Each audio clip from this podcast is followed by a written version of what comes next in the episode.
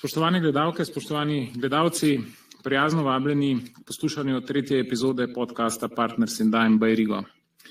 Danes je z nami Ivan Kranc, eden največjih strokovnjakov iz področja davkov v Sloveniji. Ivan, živa. Živa. Ivan, mogoče bi za začetek začela malo tep. No? Običajno začnemo tako, da se gostje malo predstavijo in um, povej mi, kakšna je bila tvoja pot, no? poslovna, akademska, nekaj predavaš, sem slišal. Uh, ja, ja, drži. Evo, kratka predstavitev. Uh, po izobrazbi pravnik, uh, trenutno odvetnik, davčni svetovalec, ampak moja rekel, pravniška pot je bila dost netipična. Ne. Namesto, da bi šel potem, ko sem končal fakulteto v pravosodje, uh, recimo na sodišče ali pa odvetniško pisarno, uh, je bila moja prva služba pravzaprav v računovodstvu. Eno leto sem bil v računovodstvu, delal čist običajne, najbolj simpel zadeve, uh, od knjižene računov do kuhanja kave. Um, potem sem pa, uh, ker sem uh, zraven še študiral na podiplomskem študiju davčnega prava, uh, me je ena od predavateljic tam opazila in videla, da imam malenkost več tega računovodskega specifičnega znanja, ki ga običajno na fakulteti ne dobiš. In me je povabila v službo, v eno davčno svetovalno družbo, BDO, čisto konkretno, pri njih sem bil štiri leta. Zatem sem bil dobra tri leta v PricewaterhouseCoopers, tudi na področju davčnega svetovanja. Potem sem dobil pa povabilo od odvetniške pisarne CMS, če bi se pridružil njihovemu davčnemu oddelku. Um, pripravljeni so mi bili tudi omogočiti, da naredim pravosodni izpit in tako se moja pot z njimi začela. To je bilo leta 2014, novembra 2014. Ampak, Ivan, v redu, to z računovodstvom absolutno super, ker seveda si spoznal veliko stvari, ampak zakaj davki? Zakaj so te fascinirali davki? kaj je na davkih takšnega, da je to zanimivo. Ne? Za 99% slovencev, o tem se bo itak pogovarjala, se kaj dosti ne ukvarjajo z davki. Um, da sem šel v davke, pravzaprav kriv moj oče.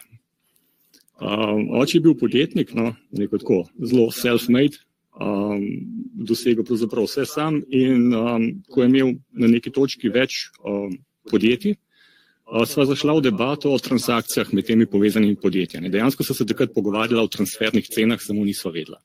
In takrat mi je oče narisal neko skico, ki imam še danes nek shranjeno. In je rekel, da Ivan, ko boš pa znal pojasniti, kako te zadeve klele delajo z vidika davko, ne, takrat, takrat boš pa dober. In dejansko bil to neki izziv, nek moment, da sem šel v davke. Številke so me že prej bolj zanimale, ne, kar tudi za pravnike nekako ni običajen. Pač na pravno fakulteto ja. gre za tega, da imajo več matematike. Um, in potem sem se najdel v tem. No. Um, je pa tako, dosti specifičen poklic, mu rekel, ni veliko pravnikov, ki bi se spoznali hkrati tudi na davke. In je zanimiva kombinacija znanja pa izkušenj. No, koliko, koliko pa je recimo teh um, nekak pravnikov v Sloveniji, recimo, ki se, bom rekel, bolj ekstenzivno ukvarjajo s temi davki? O, mislim, teh je kar nekaj, ne? ampak da bi bili pa odvetniki ja. in davčni svetovalci, tukaj nas je pa recimo ene deset takih, za katere bi res rekel, da so umembe vrednje, ne prehajajo pa tudi mladi, kar je pa dobro. To se pa vidi v zadnjem času. Dobimo tudi recimo študente, ki bi prišli k nam na prakso in direktno povejo, zanimajo me davke, ne bi lahko delo kaj iz tega področja. Zanimivo.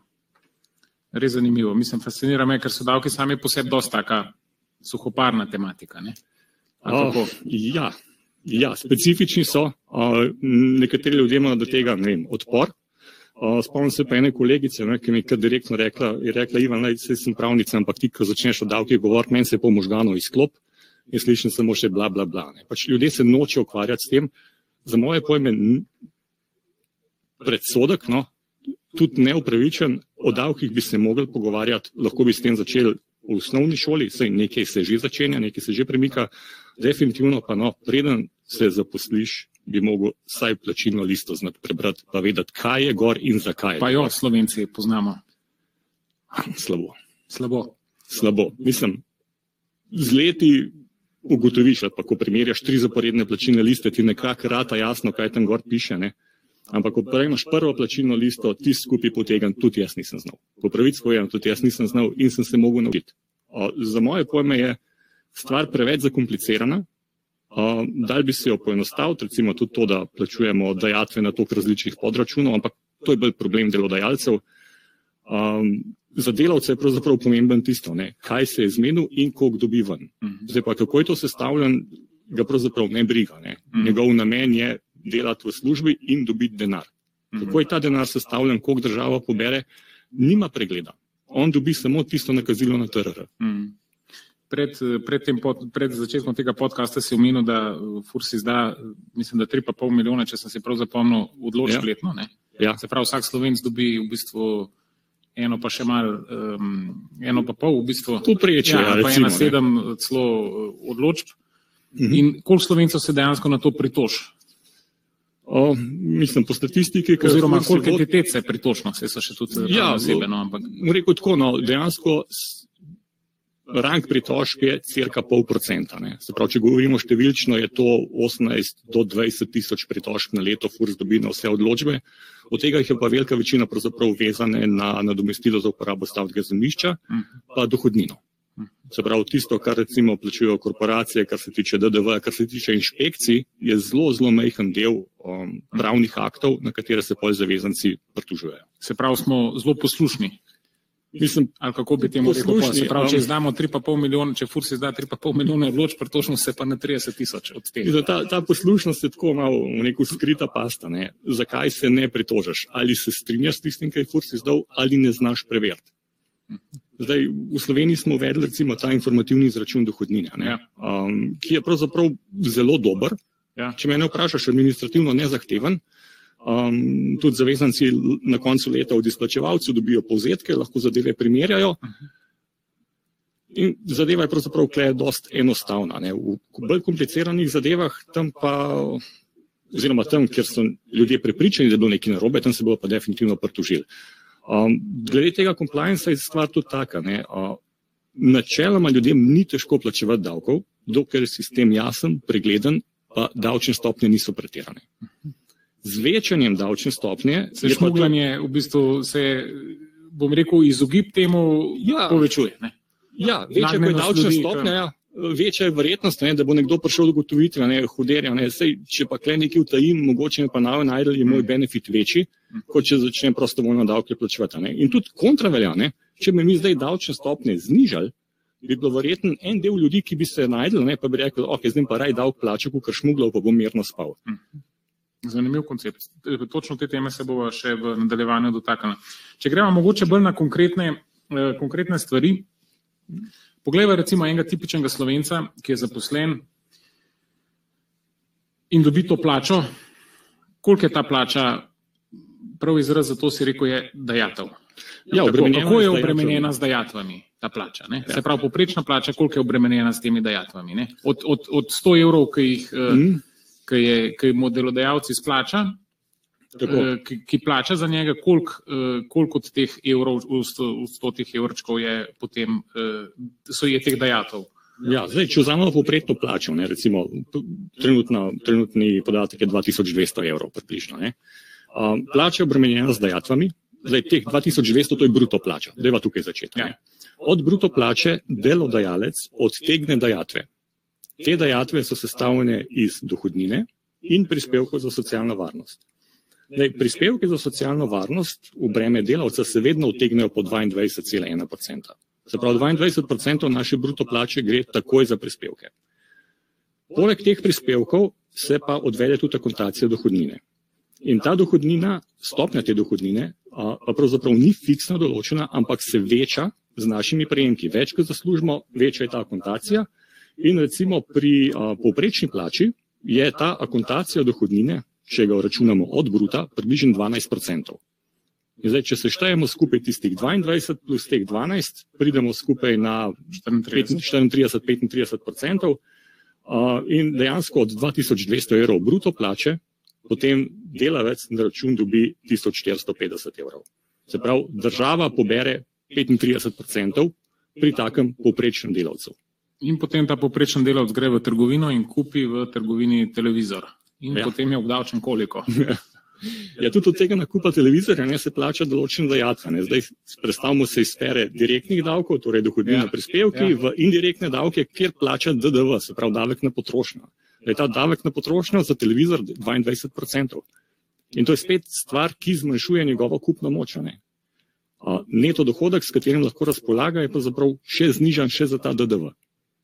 In potem še gre po cigarete in gre na pivo in plača še trošarino na uh, cigarete in alkohol. Ja, ja, in... mislim, drži, ampak vse so to posredne dajatve. Ne. Ti ko greš v štacuno, pa kupaš truca kruha, ti nimaš feelinga, da si plačal davek pri tem. Ti imaš feeling, da si kupil neko blago ali pa plačal za storitev, uh, ker ta davek posredno prodajalec potem odvede v proračun. Pač nim, nimamo občutka, da nam še tukaj spulijo neki iz denarnice. No, ampak, če gledamo zdaj poprečnega slovenca, se pravi na plači 35 ali pa še mogoče kakšen odstotek več, uh -huh. pride v štacuno je 22, če so še kakšne druge trošarine ali karkoli gor še več, se pravi uh -huh. več kot polovico nekega dohodka, ki je razpoložljiv, ker ljudje moramo kupovati hrano in neke potrebščine za dnevno porabo, pač pobere država. Ja, ja mislim, to tukaj definitivno drži. Stvar, ki jo pa pozabljava, ne, je pa, da tukaj govorijo samo o efektu na delavca. Nismo se pa sploh še dotaknili tega, kaj mora pa delodajalec plačati, no, še na to, da je delavca sploh. Se pravi, 35 še ni konc. Ne, ni še konca. Uh, delavec se v pogodbi zmeni za bruto plačo, ja. njemu je ta cifra znana in potem mu je tudi znano, koliko bo neto ven dubo. Delodajalec mora pa ta bruto pravzaprav še povečati, ker mora na bruto plačati še 16,1% prispevkov. To so prispevki v breme delodajalca plus potem mora delavcu povrniti še stroške, se pravi stroške za prehrano, stroške za prevoz in tako naprej. Tako da končni strošek delodajalca pri plači 2200 evrov ne, ne bo teh bruto 2200, ampak bo bistveno več. Zdaj, če upošteva samo prispevke, zraven, recimo, da ima prispevke, pusta to malco, pa prevoz ja, se bo odvijal na skoraj 2600. In potem pridemo iz teh 35% na bolj 43 bližje 50. No. Bliže če, 50. Če računamo od končnega stroška delodajalca in primerjamo z netom, kot ga delavec dobi, smo blizu številke 50. 50%.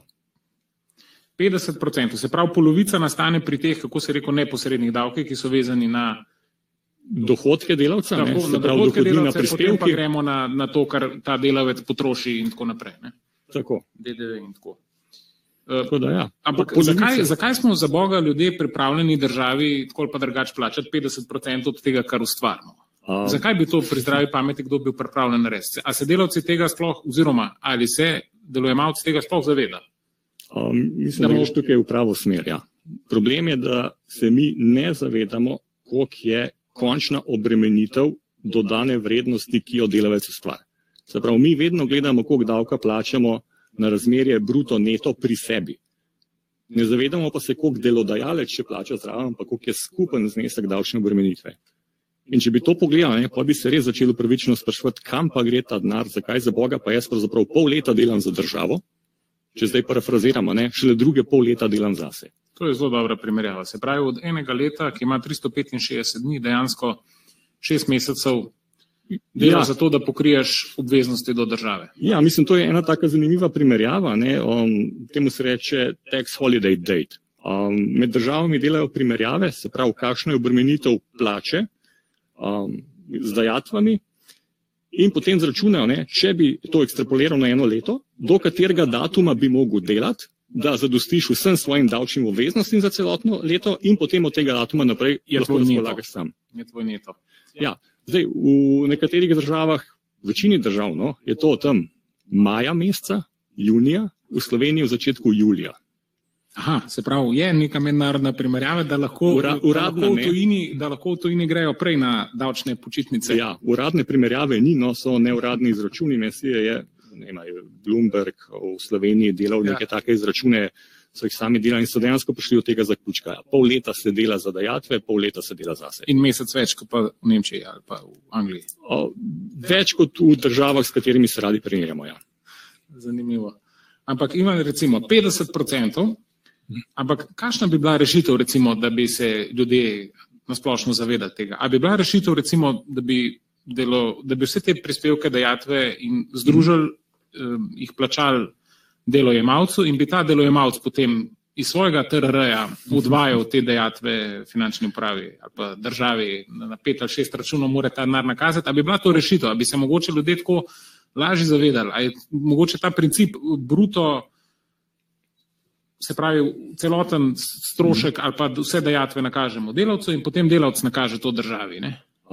Če bi bila naša davčna kultura na tako visoki ravni, da bi potem ta bruto, ki ga vsak dobi na račun, tudi dejansko namenil za plačilo dajatev, potem bi bil to en način ja, ozaveščanja ljudi.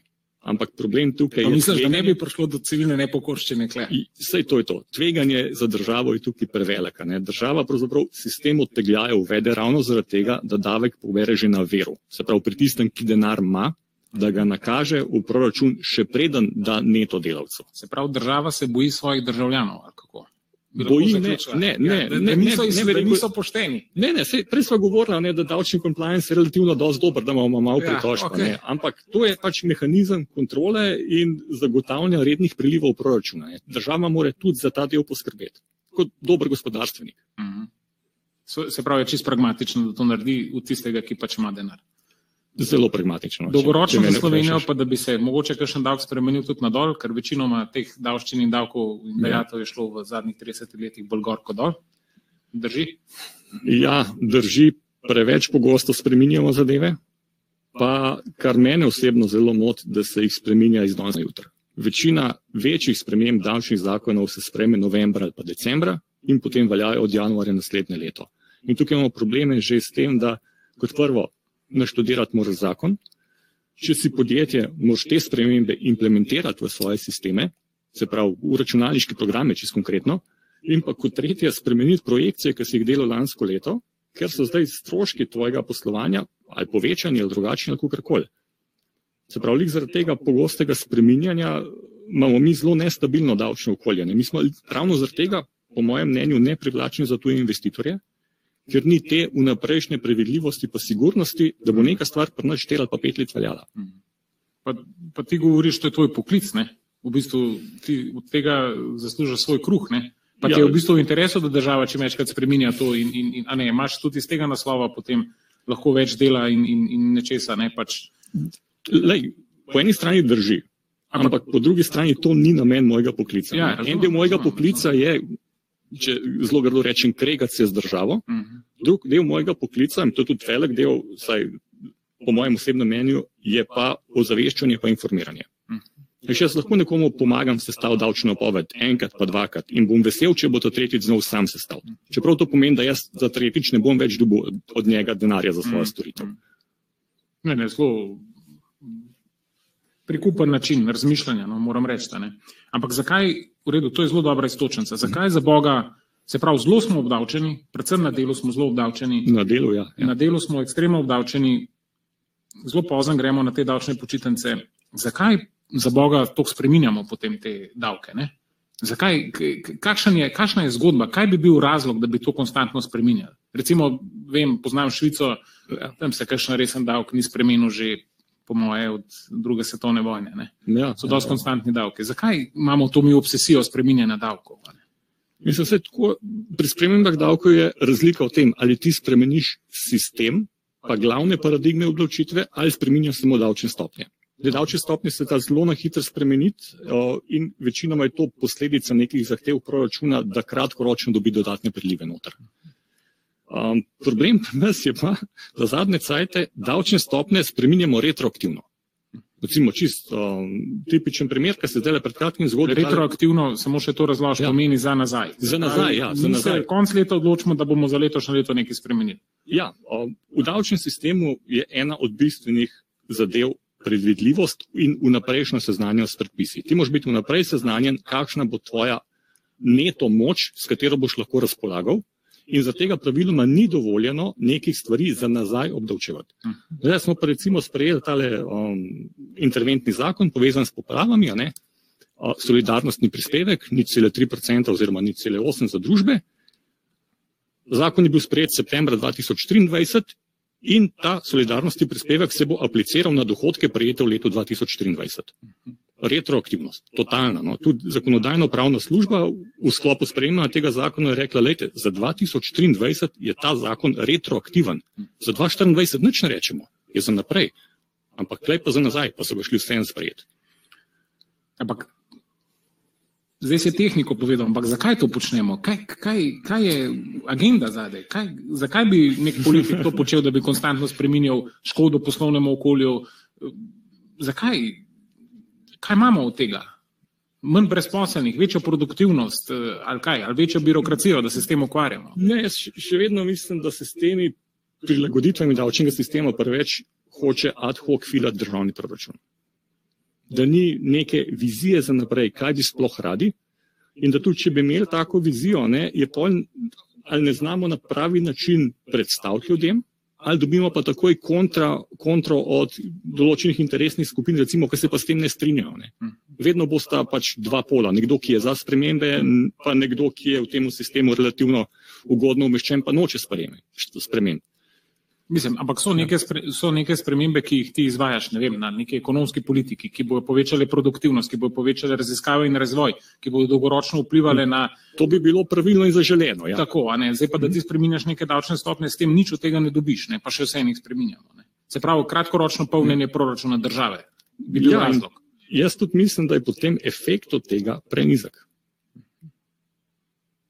In pa tudi zaradi tega, ne, ker to spreminjamo, se davčni compliance, prav prostovoljno izpolnjevanje davkov, manjša. Pa mogoče ne zaradi tega, ker ljudje mislijo, ne, zdaj pa načrtno ne bom plačal davkov, ampak mogoče tudi zaradi tega, ker ne sledijo spremembam, ne vejo, da je treba davek plačati, ali pa spregledajo, da sprememba bila.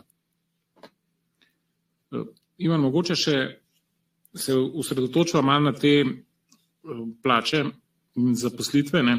Mhm. En primer nekoga, se mi zdi zelo dobra istočnica, ki se je dal tudi za ta podcast, je nekaj istočnica, je bila, da pogledava osebo, ki je trenutno brezposelna mhm. -huh. in je na zavodu za zaposlovanje in ta oseba se zaposli.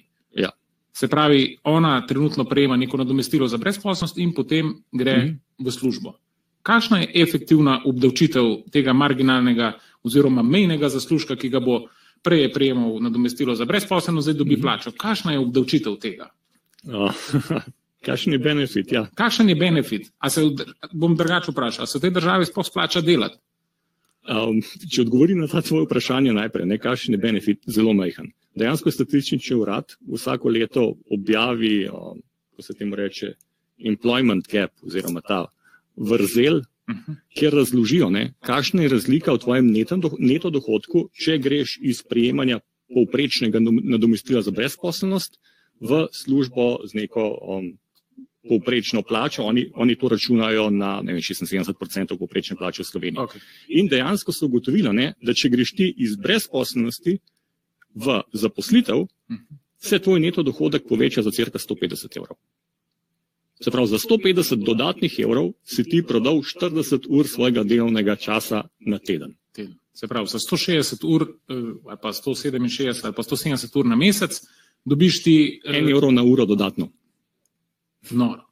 Noro. Ampak zakaj bi država rada imela tok, tak socialen sistem, kjer destimulira v bistvu nekoga, da se sploh zaposli? Kaj, kaj je, gled, vse si želimo, ja. vendar, da ljudje delajo. Mislim, ta primerjava, ki jo statistični urad dela, je primerjava med nadomestilom za brezposelnost, ki ga dobiš na zavodu, in zaposlitvijo. Moramo pa mi vedeti, da je tukaj še dodaten safety net in to so pa socialna denarna nadomestila. Ja trenutno tam okoli 450 evrov, če se ne motim, 465 na mesec, ki jih dobiš pa pravzaprav za nič dela. Uh, je sicer omejeno, so neki ja, pogoji, ja, ja, ampak tudi potem, ko greš delati, ne, boš, če se zaposliš za minimalno plačo, boš profiral 400 evrov neto na mesec. In zdaj potem ljudje razmišljajo, ali se meni no, to splača 3 evre, to je tudi 3 evre na uro, ja, ja, ali pa 2 evra na uro. Ne? Potem razmišljajo, ali se meni splača formalno zaposliti za dodatnih 400 evrov. Ali, ali nekaj na črno, vas... ali nekaj na črno naredim, ja. pa bom tisto razliko dobil neto, kar pomeni, da če bom delal vem, za 15 evrov, ker je ja. neka normalna urna postavka, bom to naredil v 90% krajšem času. Ja, bom vlekel še naprej socialno pomoč, dokler lahko pa fušal zraven, po domač povedan. Uh, Prav je, da imamo nek safety net za tiste, ki res ali niso sposobni delati, ali o, ne morejo delati, ali so v nekem prehodnem obdobju, ko ne najdejo službe in res rabijo pomoč, da preživijo. Se absolutno strinjam, ja. da ne bo nesporazuma. Um, Ampak potem bi moral biti ta del, ne, če, da, ja. da iz tega izstopaš. Ne bolj stimulirati. Ja. Pravi, bi ti moral ja. dobiti veliko več, ne, da ja. se ti splača angažirati, ker s tem bi aktiviral ljudi. To bi bila stimulacija za ljudi. Ja. In ena stvar, ne, ki je pa s tem povezana, po kateri mislim, da je tudi prav, da se začne govoriti, je pa, da ko ti začneš nekaj služiti, bi mogel biti del tvojega dohodka po defaultu neobdavčen. In to vsaj ti del, ki ti zagotavlja neko normalno, dostojno življenje. Če zdaj zelo poenostavim zadeve, ne, uh, lahko povem tezo, splošna davčna olajšava v Sloveniji uh -huh. bi mogla zadostiti minimalnim življenjskim stroškom. šele tisto, kar ti zaslužiš kot presežek na tem, da normalno lahko preživiš, dajmo pa obdavčiti. Zelo dobro, istočnica. In pri nas je problem, da so splošne lešave preniske. Ustavno sodišče pravzaprav izdalo odločbe. 800 ali 6? Ne, ne, 480 na mesec, je mesec, tudi no.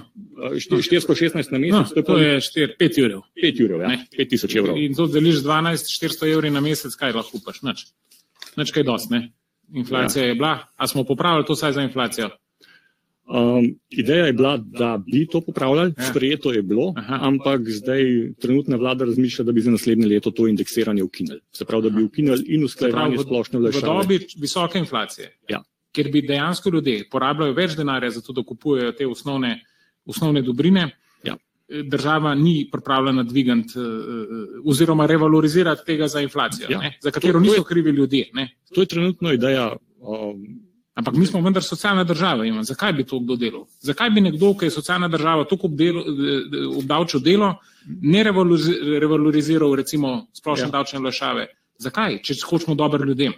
Mislim, men, men ta preslikava socialne države na obdavčitev dela nekako ni čisto ena na ena. Ne? Ker socialna država je bistveno več kot samo obdavčitev dela. Razumem. Zdravstvo, socialne sisteme, izobraževanje in tako okay, naprej. Se strinjam. Um, ampak en del tega ideje socialne države naj se preslika tudi v davčni sistem. In ravno preko tega, da naj splošna lajšava pokrije osnovne življenjske stroške, tukaj se odrazi socialna država. In če višina stroškov zaradi inflacije raste, bi mogla temu slediti tudi splošna levšava, ker sicer poleg davkov te vsekajo še z inflacijo. Res je, res je. Ivan, mogoče se zdaj predstava iz tega mikronivoja posameznika, zaposlenega, delojemalca na makronivo. Se pravi, kako to zgleda z vidika recimo neke dohodnine, ne, ki je ja. zelo pomemben vir eh, prihodkov v državi, mislim, da je 12-13% celotnega proračuna prihaja iz, uh mhm. -huh. iz eh, dohodnine. Eh, kako to zgleda na makro ravni?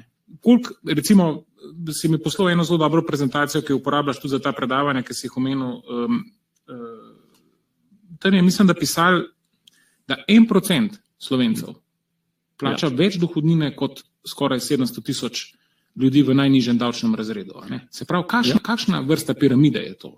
Ker običajno v, nem, v neki tej piramidni igri mm. imaš ti ljudi pod sabo, ki plačujejo za tebe, ker si na, v, v višji strukturi piramide. Ampak ja. obratno, mi imamo v bistvu obratno piramido. 5000, 6000 ljudi v bistvu plačuje več kot 600-700 tisoč ljudi. Ja, mislim, jaz ne bi rekel temu piramida, ne no. bi rekel za distribucijo dohodka, pa mogoče sam še en disclaimer tukaj. Ne. Tisti graf, ki si ga objavil, je čist korekten, dejansko to pobrani iz uh, brošure ministrstva finance, ampak nanaša se zgolj na dohodninske ja, družbe. Ja, vse jasno. Ja. Um, tukaj recimo niso zajete dividende, obresti in tako naprej, ker jih ni tam noter. Ampak ja, dejansko se tam pokaže distribucija, da ima v Sloveniji večino prebivalstva z minimalno ali podpoprečno plačo in da to veliko število ljudi prenese zelo malo dohodnine v proračun. Ja, ne, tukaj se pojavlja vprašanje, zakaj, zakaj to sploh procesirati. Recimo? Zakaj, zakaj reči, da, da, da, ja. zakaj ne, recimo konkretno, mm -hmm. mislim, da je bila zelo dobra istočnica, mi je dala dosti misel, zakaj ti ljudi sploh potem obdavčati? Ne? Ker to mislim, da bi bilo tudi, če bi tem vsem uprostili plačilo dohodnine, mislim, da bi bilo 120 milijonov na leto. Ne? Uh, ja, in točno to bi se zgodilo, recimo, če bi dvignili splošno davčno rešavo. Se pravi, znesek teh zavezancev v najnižjem razredu bi se verjetno povečal, vrednost dohodnine, ki bi od njih pobrali, bi se zmanjšala. Ne? Ampak tudi verjeten strošek procesiranja tega, 700 tisoč odločb, itd., itd., to je velik, ne? Mislim, je velik, ampak dohodnina na srečo je več ali manj avtomatizirana zdaj, ne? Se pravi, ne bi na procesiranje tega kaj dosti prehranil. Kaj je zelo velik za moje pojmene, ampak le, ugibam, ne vem, nimam v zadnji okay, stroškov. Ja. Lucky guess, ne? Hmm. Um, mene to pa zelo fascinira, ta tvoj graf. No.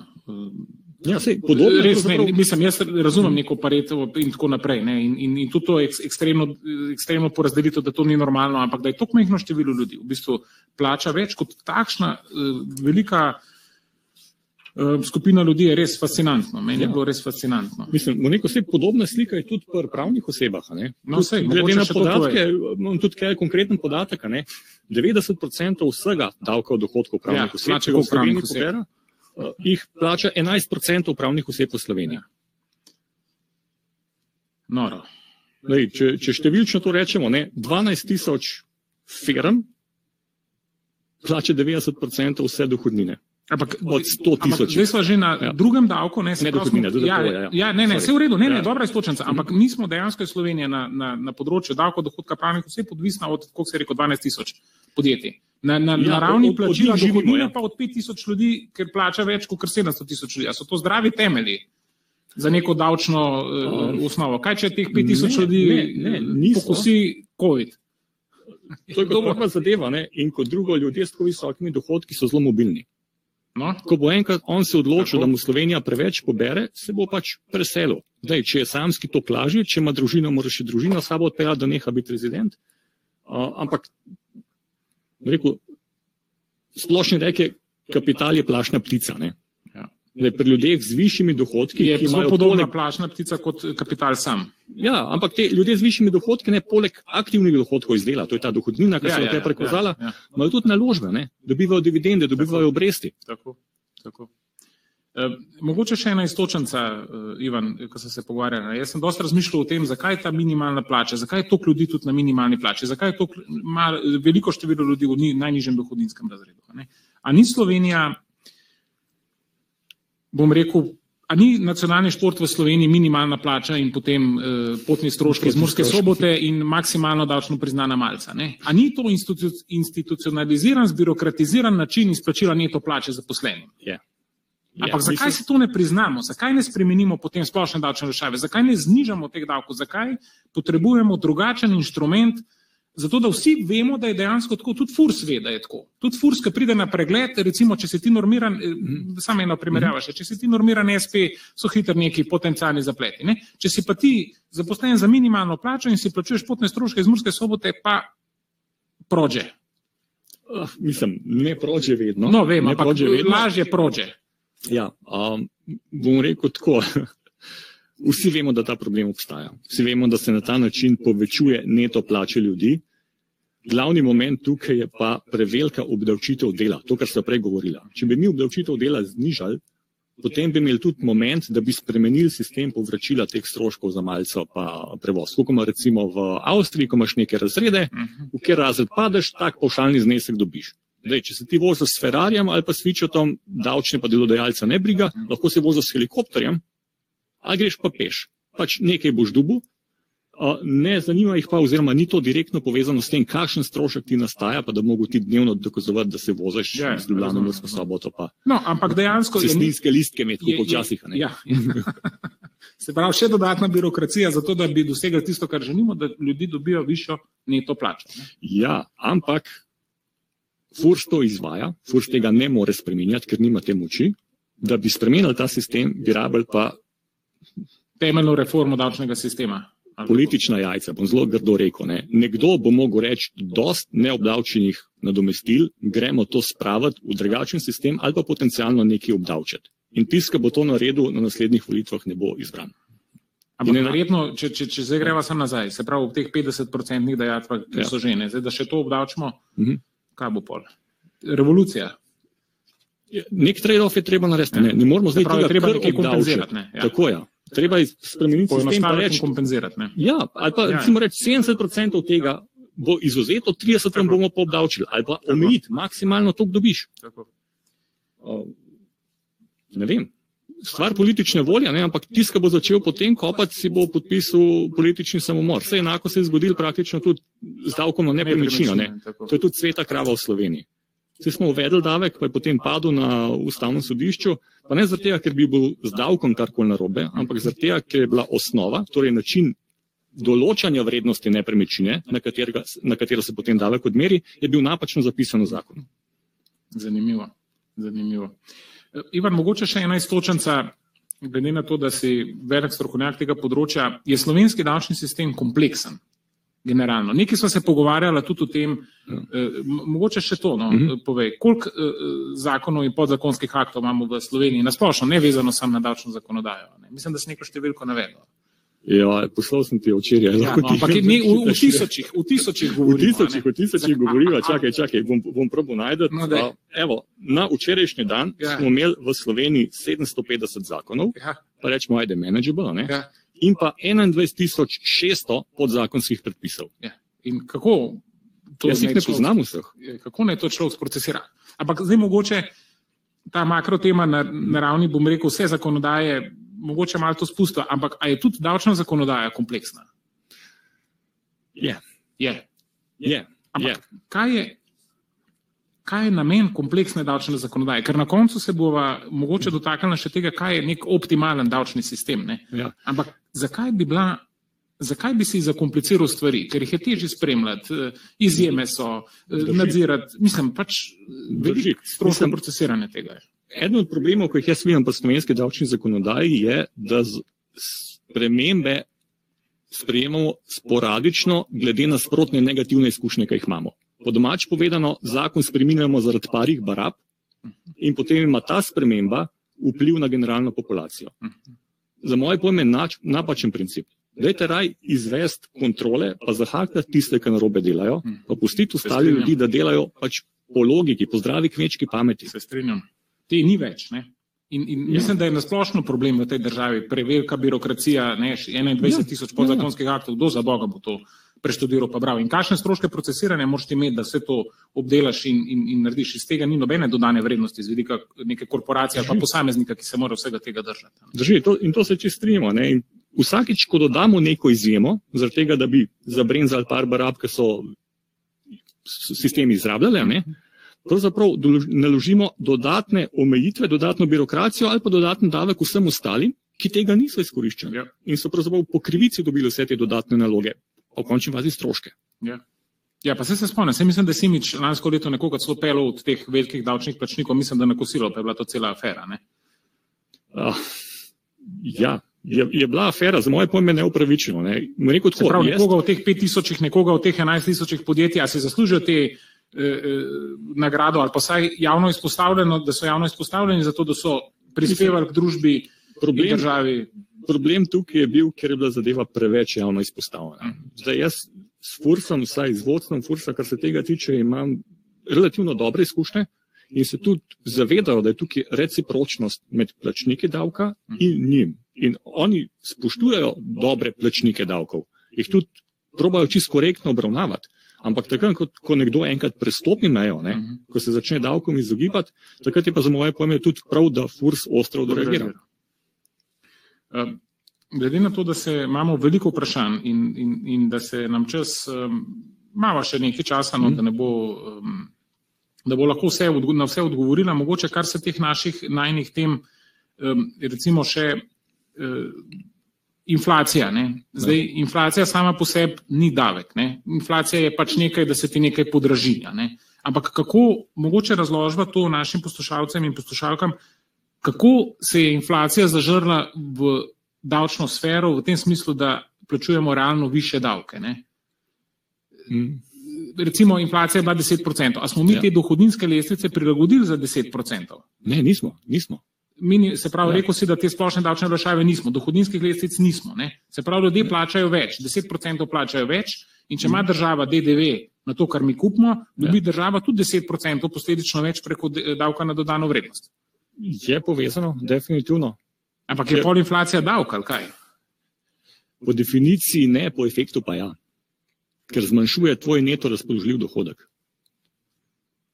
Tako bi jaz zaključil. Ne vem, kako bi drugače. Se pravi, morajo biti slovenci in nasplošno javnost zelo zaskrbljena nad tem, če se bodo inflacija še povečevala ali pa da ne bo padla na teh ciljenih 2%, ker bo to, če ne bomo spreminjali sproti Ja. davčne zakonodaje, to zelo negativno vpliva na njihov realni dohodek. Ne? Se pravi, kakšen je njihov dohodek po tem, ko odšteješ efekt inflacije. Ja, drži. Če to recimo poveževa z dohodnino, pa z dohodki iz dela. Je pa še drug efekt, ki ga ljudje pozabljamo. Ne? V Sloveniji smo zelo konzervativni, kar se tiče naložb pa vrčevanja. Ja. Sprav imamo bančne vloge in imamo nepremičnine. Tukaj Res inflacija žre. Res je. Res je. To smo že večkrat povedali na tem podkastu, tudi na drugih, ob drugih priložnostih, da v bistvu Ja. eh, kako močno je inflacija načela te vloge prebivalstva na bankah. Eh, Govorimo o več, Mhm. eh, mislim, da že 5 ali 6, 7 milijard od, od začetka te inflacije do zdaj. Se pravi, Ampak ni samo se- davčni, je še tudi ekonomski, ekonomski efekt. Ja. Ljudje se ne zavedajo tega. Ne? On vidi številko na vrčevalnem računu, ki ostaja skozi ista. Ampak ne ve, da je prej s to številko Tako. lahko kupil en avto, zdaj ga pa ne more več. Ja. Ja, ja, noro, noro. noro. Ne, sej, jaz, jaz to merim skozi uh, Olimpija Burek. Ne. Jaz vem, da ta Olimpija Burek je bil 2 evra, zdaj pa 3 evre, ne, kar pomeni podržitev za 50%. Meni je jasno, da svojo plačo, če se mi ni povišala za 50%, lahko kupam za ja. 33% manj ja. Bureka. Ne. To je kristalno jasno. Dodaten efekt je še ne. Te spremembe so počasne, gradualne ne, in ljudje nismo navajeni tega spremljati na dolgi rok. Ja. Prav, nam se, ok, ja, 2 posto, 3 ja, ja, posto ja, se je spremenilo, ja, vse to ne, ni več. To, to, to, to, to, to ne znamo. Ja. Ampak zdaj, mogoče, glede na to, da je res ekstremno veliko vprašanj, eh, pa se bo pa še teh dotaknila. Eh, greva še na dve stvari, ki sta mi zelo pomembni. No. Mislim, da se da zelo dobro istočnico in hvaliti. Jaz sem se mm -hmm. tudi ogromno naučil, ker s tem, ko sem vse to gradivo poslal, sem ga tudi naštudiral. Tudi jaz iskreno nisem razumel svoje neto oziroma bruto plače, ne, pa sem šel to res dejansko pogledati. Ampak se pravi, nek dober davčni sistem se ti definiral, ali pa nekako splošno velja, da bi moral funkcionirati na treh temeljih. Ja. Široka baza, relativno nizka davčna stopnja in pa enostaven sistem. Čim manj izjem. Ja. Čim manj izjem. Ja. Povej malo več. Um, zakaj je to ja. dober? Ja, zakaj pravi, je dober? Mogoče še ta istočnica, mm. ko so rekla prej, 12 tisoč podjetij plača to davka, 5 ja. tisoč ja. prebivalcev plača to davka. Se pravi, to ni nek zdrav sistem, ker ne, ker ne temelji na neki široki bazi ljudi, ki dejansko plačujejo davke. Ne? Uh, mislim, nekaj je baza ljudi, ki plačujejo davke, drugo je pa baza, od česa oni plačujejo te davke. Ne? Zdaj, ko govorimo o davčnem sistemu, govorimo o tej drugi bazi. Torej, ja. Kaj bomo ja, obdavčili, ja, ne ja, koga. Ja, ja. Uh, in ko govorimo o tem, kaj bomo obdavčili, uh, mislim, da v Sloveniji imamo še rezerve, kaj obdavčati. Predvsem premoženje pri nas je v primerjavi z ostalimi evropskimi državami še vedno, pa nam rekel, premalo, ampak bistveno manj obdavčeno kot je v primerljivih državah. Mhm. In uh, kdo se bo lotil tega sistema, pa tega spremenja, ne vem. Druga stvar, ki jo moramo omeniti, je potem, ko enkrat definiramo to široko ja. uh, davčno osnovo, kar pravzaprav finančni upravi da tudi neko kontrolo, pa pregled nad tem, kaj imamo. Tako se začnemo sprašovati o tem, s kakšnim davkom oziroma s kakšno stopnjo davka bomo pa to obdavčili. In kot sem prej govorila, ne, ta Laferjeva krivulja, večja kot je stopnja davka, manjši je davčni compliance in nižja kot je stopnja davka, višji je davčni compliance. Se pravi, če mi spustimo davčno stopnjo iz 10 na 8 za 20 posto, to ne pomeni, da bodo davčni prihodki upadli za 20 posto. Upadli bodo za manj, ker se bo compliance povečal. Tako. Se strinjam. Se strinjam. Jaz sem zagovornik niž, nizkih davčnih stopenj, že zaradi čist psihološkega efekta. Ja, se strinjam, absolutno. Ja, in pa osebno pristaš enotne davčne stopnje. Uh mhm. -huh. Izogibal... To je zdaj zelo bogokletno, kar se je rekel. To je zelo bogokletno, to je bil en. Um, zelo plitek poizkus takratne desnice, da bi, da bi v času, ko so bili še časi mogoče malo bolj normalni pred to veliko krizo, ja. da bi to uvedla, ta enotna davčna stopnja. Ja. Kaj bi recimo mogoče v treh stavkih upiš, kaj pomeni enotna davčna stopnja? Oziroma, kaj so prednosti te enotne davčne ja. stopnje? Uh, okay. Enotna davčna stopnja pravzaprav pomeni, da dohodek, če greva zdaj na dohodke, ja, ne, ne glede na to, kdo ga dobi in koga dobi, bo vedno obdavčen z enakim procentom. Se pravi, če jaz dobim minimalno plačo, bom na njo plačal 20% davka, ali pa če dobim trikratnik minimalne plače, bom na to plačal 20% davka. Nominalno bom jaz pri večji plači plačal več davka, Tako. ne pa progresivno več. Tako. In naša trenutna dohodninska lestvica je progresivna. Se pravi, ko ti zaslužiš več, mhm. plačaš linearno več davka, plus še progresivno nekaj na to. Plus še inflacija. Plus še inflacija. Ja. In ljudem z višjimi dohodki se pol začne za mal z leta, ne? spet dobivati še naprej dohodke iz dela.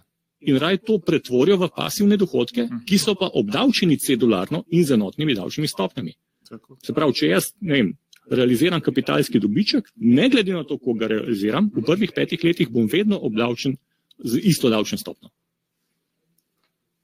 Mislim, absolutno odlično, da se to izpostavil kot neka debata ne, ja. v Sloveniji. Jaz sem si zelo želel takrat, da bi to nadaljevali. Ne.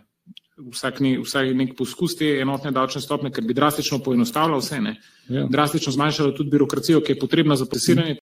Mm. Predvsem iz tega naslova draga, ne zdaj, da bojo Eh, premožni manj plačali, ampak generalno, da je to enostaven davek. Ne. V Nemčiji so imeli idejo, eh, kako se je temu rekli, da na podstavek od piva izpolniš vse svoje, oziroma si zračunaš vse svoje davke, ne. kar je tudi zelo smiselno. Seveda je smiselno. Ne. Seveda je smiselno. In... Ne da bereš 23 ali 27 tisoč podzakonskih aktov, zato da razumeš, kaj, od, kaj od davka moraš plačati. Ne. Ja, in tukaj smo mi s to prenormiranostjo malenko zašli. Se pravi, manj je več. Več. Pa, z več predpisov, ki jih imamo, manj poberamo. ja, no, ja. Mogoče bi neko statistiko moral narediti. Ja. Ivan, še čisto zadnje vprašanje iz moje strani, potem pa gremo na to, kar so naši poslušalci in poslušalke mhm. vprašali. Ja. Um, če pogledaš slovence generalno, neka ocena, tvoja osebna, ne zdaj ja. strokovna, imaš veliko pravka seveda s tistimi, ki, se, ki, ki potrebujejo nek tvoj nasvet na področju mhm. davko, a smo slovenci res Martini Krpani, a radi nategujemo državo. Zdaj pri 3,5 milijone davčnih odločb, pa ne vem, se je rekel 15 tisoč Eh, eh, pritožbah, ja. tam smo kar compliant, ne? sprejmemo to, kar država reče. Ampak ja. iščemo lukne? Iščemo, seveda jih iščemo. Mislim, malo je to v naši balkanski krvi. No? Tudi če se primerjamo s vrnjaki, pri nas počnemo, ljudi, mislim, počnemo stvari, ki jih tam recimo sploh ne bi pomislili. In tudi nekaj so menili odločbe, zakaj se za njih ne pritožujemo. Ja, če sem jaz napačno sporočil davčni moje zaslužke, pa so mi prav odmerili davek od prenistih, nimam interesa za to se pritožiti. Zdaj, smo jih pri pr Martinu Krpano, ne, tudi on je švercev tisto angliško sovo. Zdaj, kaj je ta angliška sov bila? Je to soliter kot sestavina za o, smudnika? Ne? Ali je bilo to res dejansko sol za kuhati pa konzervirati, pustimo to ob strani, ja, ja. zraven je imel še, oziroma rekel pa je, ne, ja. da tvor bruse pa krsilno gobo, ne, to je pač tipični, tipični slovenc. Tipični text evasion, ne, on je pravzaprav zavajal finančni organ in tle pri nas bi, bi dubu seveda globo, ne, ker je sporočil napačne podatke. Ja, ja, ampak on je, ne, od teh junakov je sigurno, ne, se to je že malo nacionalno, mislim, malo ponarodilo, ja. ne, ampak on je definitivno nacionalni, ja. nacionalni ja. junak, ne. Ne, vse doskrat slišiš, recimo, sploh od privatnikov, od majhnih firm. Vse je prav, da država ve, kaj delam. Ni pa ve, ni, ne zdi se mi pa prav, da ve za čisto vsak račun, ki ga izdam.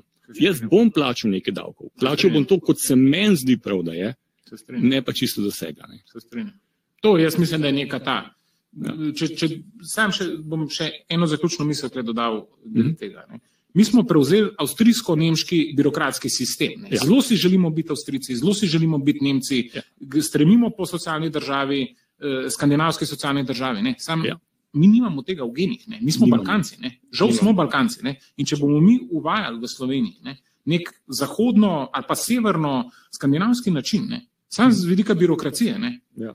se pravi, kjer, kjer dejansko eh, je važna sam forma, ne, ne vsebina. Ne? Jaz mislim, da to ne bo padlo na plodna tla v Sloveniji. Ne. Pač priznati si moramo, ne. začetek ja. tega spreminjanja je to, da si priznaš. Ne.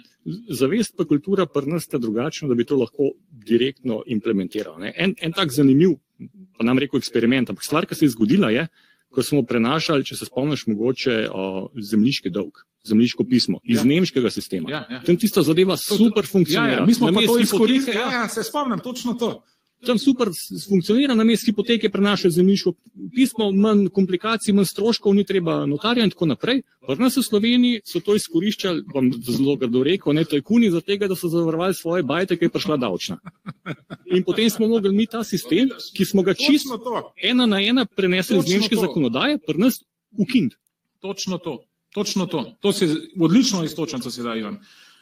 Ivan, zdaj pa mislim, da je cela kupica vprašanj, tako da ja. nejca si mi to vse poslal. Uh, okay. Dajmo, vprašanje pol. Uh, delo je v Sloveniji preveč obdavčeno, da bi ta del zmanjšali. Ali je alternativa obdavčitvi premoženje? Katero? Celotno premoženje, nepremičnine, kapital, da bi ustrezno domestili niže davke na delo? Ja. Um, jaz mislim, da tukaj ne gre za trade-off. Tudi če bomo uvedli mi recimo davek na nepremičnine, Ok, zmanjšal se bo potem NUSZ, se pravi nadomestilo za uporabo stavnega zemljišča, ne bomo pa na ta račun doživeli znižanja dohodnine po obdočitve dela. Mislim, da sta to dve ločeni vprašanji, ki nista med sabo tako povezani, da bi šlo. Mhm. Ok, naslednje vprašanje. Uh, zakaj smo toliko pripravljeni dajati državi? Ali imamo dajatve, ali imajo dajatve, mislim, da se to nekaj prek te mhm. aferjeve krivulje tudi izpostavil. Ja. Mogoče bi mogli pogledati, kako zgleda, da reci pa lahko mhm. gledalci seveda to pogledajo na Wikipediji, pa bodo videli, taka zvonc na robu obrva, oziroma zvon, oblika zvonca je. No. Um, ali imajo dajatve neko točko preloma, ko se ljudje niso pripravljeni več ja. plačevati davko? Ja, ja, to je to, to je ta laferjeva krivulja. Ne. Se pravi, takrat, ko ti nekako izračunaš, da se ti bolj splača šmuglat, pa mogoče ne biti ujet, kot kar plačati veliko stopno davka, takrat bo tvoj compliance šel v meloro in ne boš več plačal prostovoljno. Ali pa ne več od vsega. Res je. Uh, uh, poslušalec pravi, da je to par stoletij nazaj, je bila to verjetno desetina. Ja, mislim, lej, zanimiva zadeva. Ne? Desetina, ne? desetina je šla načeloma crkvi, ne? Ja. um, ampak tudi za grofa si mogel delati. Ne? Um, to pa ne vem, da takrat sedmina ali to, skratka, en ali pa dva dni na teden si mogel delati za grofa.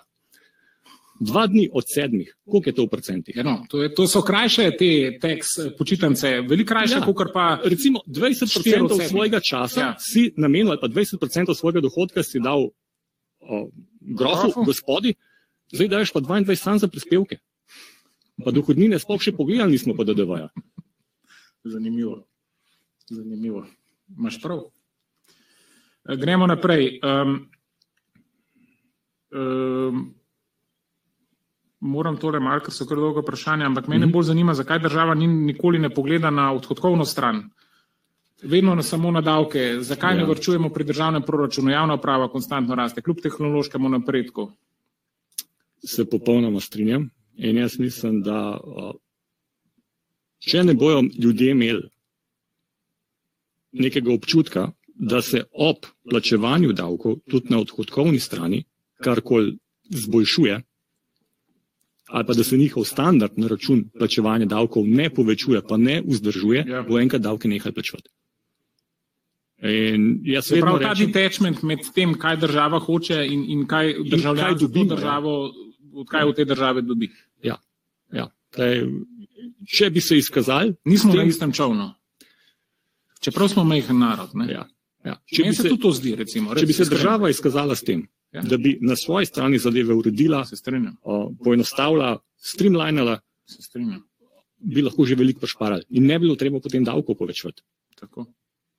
In bi, bil, in bi bil prvi dejanski denar, ki bi ga dobili optimizacija države same. Ne, ne rabimo. Ja, ne, ne bi bilo odlivov Tako. za to. Tako. Um,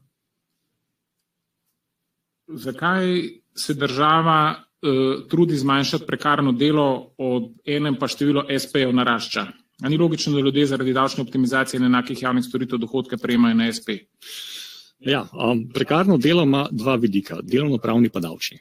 Zdaj, z delovno-pravnega vidika bi se to morali, mogli preprečiti, ker je to izkoriščanje delavcev. V tem delu se pač strinjam z državo, da je treba stvar regulirati. Potem se je pojavil del ljudi, ki pa nočejo biti v delovnem razmerju in delajo kot SPI samo z enim naročnikom.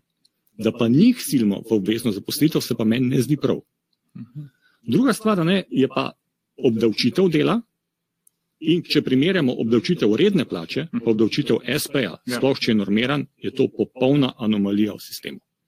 Normirane SP-je, za moje pojme, če gledam Ivan, kot- de- Deva še ta podnapis ja. narediti. Ti to govoriš, ti si normiran SP, oziroma imaš normiran SP. Ja. No? In ti, ti govoriš z te pozicije, da bo tudi gledalcem Ja, jasno. ne, bom rekel tako, ne, z vidika Tako normiranega SP-ja pa, tega pa sistema je to Amerika.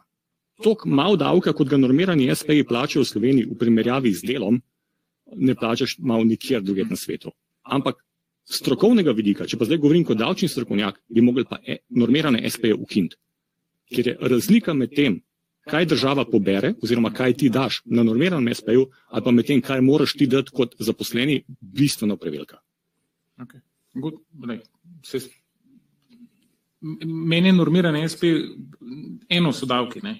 Mhm. Itak, ampak meni je ta enostavnost všeč. Enostavnost je- je je drug ta vidik vidik, ne, je- enostavni davki, ne, pač Ja, enostavni, ja, ja. razumem, ne, to, Ne, ne, tukaj je, so že zadeli. spremenili, nad 50 drugač, prispevki drugač.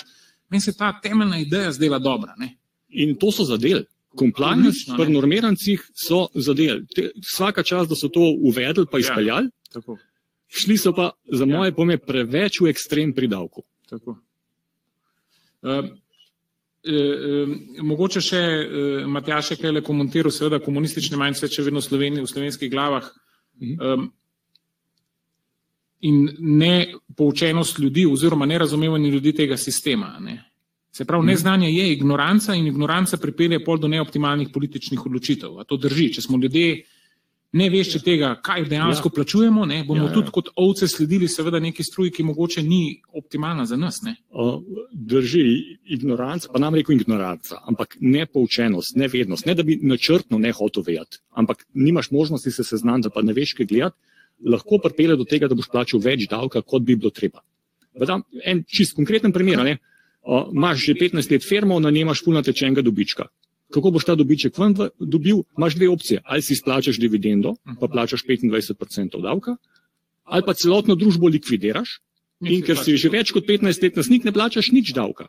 Obe dve opciji sta popolnoma zakoniti in mogoči, ampak če ne veš, da ta druga obstaja, boš plačal 25% davka. Ja, jaz sem gledal en intervju z nekim švicarjem, ki ga je, mislim, da si en tam po cesti intervjuval glede te ignorance. Ne. On je rekel zelo dobro. Ne. Ga je vprašal, pa, mislim, kako eh, ali so tle nizki davki in tako naprej. Pa on je rekel, ja, ja, že vse v redu. Samo mi smo temeljno skeptični do države. Ne. Mi, mi konstantno dvomimo v to, kaj država dela. Ne. V, v, mislim, pač kot, Ja. kot poslovni model, ne. se Ja. pravi, bdijo nad tem. razumejo, bdijo nad tem. Ne? In pol seveda lahko od svoje politike tudi prisilijo k boljšim odločitvam. Ne? O, Verjetno, ja, ne? Če si ti totalni neuk, ne? se nisi pripravljen, nisi, če se nisi pripravljen podučiti. Ne? Se jaz Ja. ja. mislim, da to je zelo dobra. Eh, Ta cel podcast bo zelo dobra istočnica za vse tiste, ki jih bo si- sigurno na nek tak eh, zelo enostaven način eh, te davčne eh, problematika tangirala, ne, bo lahko to pogledali. Če, če ti tega ne veš, ne, se, Mhm. kako češ pa sprejeti neko odločitev na volitvah? vse to drži. Mogoče bi rekel samo to, da ta primer Švicarja ni tako dobra primerjava. Švica je posebna zaradi tega, ker ima politični sistem, ki bazira na sodelovanju ljudstva pa na referendumih. Pri nas so referendumi prej redkost ali pa izjema, v zvezi z davki so pa prepovedani. Se pravi, mi imamo prepovedane referendume. Prepovedane referendume glede davčnih zakonov. Noro. Sploh niso dovoljeni po Zakaj ustavi. pa? Niso dovoljeni po ustavi. Noro. Noro. Um, uh, kjer še vprašanje, nec? Plačamo eh, Slovenski nacionalni šport je tudi plačevanje obrtnikov na roko. Če nekomu plačamo 500 evrov na roke, Ja. da nam prebeli stanovanje, koliko bi morali plačati na račun, da bi po plačilu DDV, davkov in prispevkov na plače dobil isti znesek. Ja. Bistveno več. Jurija, nekako Jurija smo zračunala, To- Jurija 200. Toliko več, da se njemu splača to sploh predlagati, in toliko več, da si ti rečeš, ok, ne bo. Uh, cenjene poslušalke, dragi poslušalci, žal moramo zaključiti. Uh, ta vprašanja še kar zastavite, pa bo z Ivanom mogoče še poskušala na nek drugačen način uh, na to odgovoriti. Uh, Ivan, sigurno najbolj zanimivo uh, predavanje, ki si ga imel, ali pa naj, najbolj zanimiva stvar, ki sem jo v zadnjem času doživel, tako da iskrena hvala. Ja. Jaz mislim, da so ljudem res, oziroma da si, ne, se primarno si ti. Jaz sem bolj statist, ampak eh, da si zelo na lep in dober način pojasnil. No. Ja, da. Hvala lepa. Zelo pomemben prispevek. Posameznika tebe k nekem družbenem Lej, cilju. Ne. Hvala za povabilo. Ne. To je pravzaprav prvi tak dedicated podcast, ki sem ga imel. Ne. Imam sicer predavanja, ki so online, ampak prav na podkastu pa še nisem bil. Tako da, evo, zdaj se je začelo. Hvala, Ivan. In hvala lepa za poslušanje in gledanje. Lepo zdrav. Evo,